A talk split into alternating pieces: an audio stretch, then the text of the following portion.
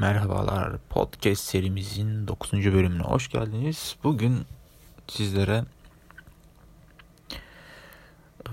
o depresif konulardan arınmış bir konu anlatacağım. Belki bilgilendirme, biraz da kaliteli içerik derim. Her ne kadar bizim kanalımızın mottosu olan kaliteli içerikler olsa da bugün biraz e, kaliteli içerik anlatayım. Bugün sizlere kısa bir kahve tarihi ne anlatacağım. Bildiğim kadarıyla tabii. Ee, çünkü önceki bölümlerde biraz içme altı şeylerden bahsettim. Büyük ihtimal o konular daha ağırlıklı olarak devam edecek. Neyse devam edelim o zaman. Ee, kahve ilk ne zaman keşfedilmiştir sorusuna sorarsanız iyi olarak. İlk olarak tabi biraz hikaye bazlı bir anlatım olacak. E, milattan sonra 850 yılında Etiyopya'da bir çobanın adı da Kaldi çobanın e, keçilerini otlatırken onların bir meyveyi yediklerini görüyor. Sonrasında bu meyveyi yedikten sonra keçilerin daha hareketli olduğunu görüyor. Sonra da Kalide bu meyveyi yedikten sonra kendini daha dinç ve enerjik hissediyor. Sonraları e, keşişler bu meyveyi deniyor ama tadını beğenmiyorlar falan. Ateşe atıyorlar bu meyveyi çünkü kahve ilk e, nasıl desem çekirdeği yani o kahve dediğim şey o çekirdek. Onun dışı böyle meyve gibi bir şey böyle yeşilimsi. Ateşe atıyorlar. Yandıktan sonra aroma kokusu bütün her yere yayılıyor ve keşişler merak ediyor bunu. Ne kadar güzel koktuğunu falan. Sonra ilk demleme yöntemi. Hani biz Türk kahvesi yaparız ya telveli. Onlar da işte o derece öyle bir şekilde kahveyi demliyor ve içiyorlar. İçtikten sonra kendilerini çok dinç falan hissediyor böyle enerjik hissediyorlar. Uykuları olmuyor falan böyle çok geç yatıyorlar. Sonra bunları e, ayinlerde deniyorlar işte. Daha uzun ve uzun ayinler yapmaya başlıyorlar. Sonra yavaş yavaş kahvenin ünü yayılmaya başlıyor. Tabii yani bu kadar ünlendikten sonra bir yerden sonra üretime geçmeleri gerekiyor. Çünkü kapitalist sistem her zaman vardır. Onu unutmayın arkadaşlar. Milattan sonra bin yılında ilk Yemen'de üretime geçiliyor. Hatta e, Moka adı Yemen'de bir limandan gelir. Bunu da unutmayın. Yani Moka kahvesi var ya. Orada bir limandan geliyor. Tabi Osmanlı Arap topraklarını genişledikçe Osmanlılar da kahveyle tanışıyor. İşte lezzetlerini beğenen, beğendikleri için o zaman bir paşası şu an aklımda değil. İstanbul'a kadar geliyor. Sarayda çok beğeniliyor. Hatta haremde falan çok içiliyor.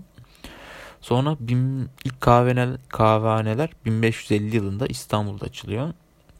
Kahvehanelerde insanlar toplanıp kahve içtiği, sohbet ettikleri yer haline geliyor.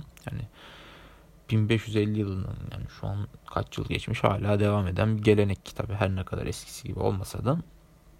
Şimdi çay içiyorlar da gerçi. O zamanlar kahve içiyorlardı. Ee, kahveyi mesela ilk düşünce aklına neresi geliyor? Mesela İtalyan espresso falan böyle. Herkes ana vatanı İtalya olarak geliyor ama ana vatanı İtalya değildir. Şöyle bir rivayet var. Artık yani bunun ne kadar doğru bilmiyorum. Benim yani öğrendiğim kadarıyla. İşte Moka Limanı demiştim ya. Moka Limanı'ndan bir adam sakalları uzun. Bak bu burası çok önemli. Bu ayrıntı çok önemli sakal ayrıntısı. Çünkü sakallar arasında gizlediği, gizlice kaçırdığı söylenir. Yani ne kadar doğrudur bilinmez. Çünkü o zamanlar kahvenin ihracatı yasak yani çok pahalı bir şey bu kahve ve zor, zor bulunan bir şey. Sonra bu oradan işte Venedik'e gitti söylenir. Orada İtalyanlar tanışmış falan diyorlar. Bilemiyoruz tabi. Ee, sonraları Viyana kuşatmasında Osmanlılar arkalarında çuvallar dolusu yeşil kahve tohum bırakmışlar.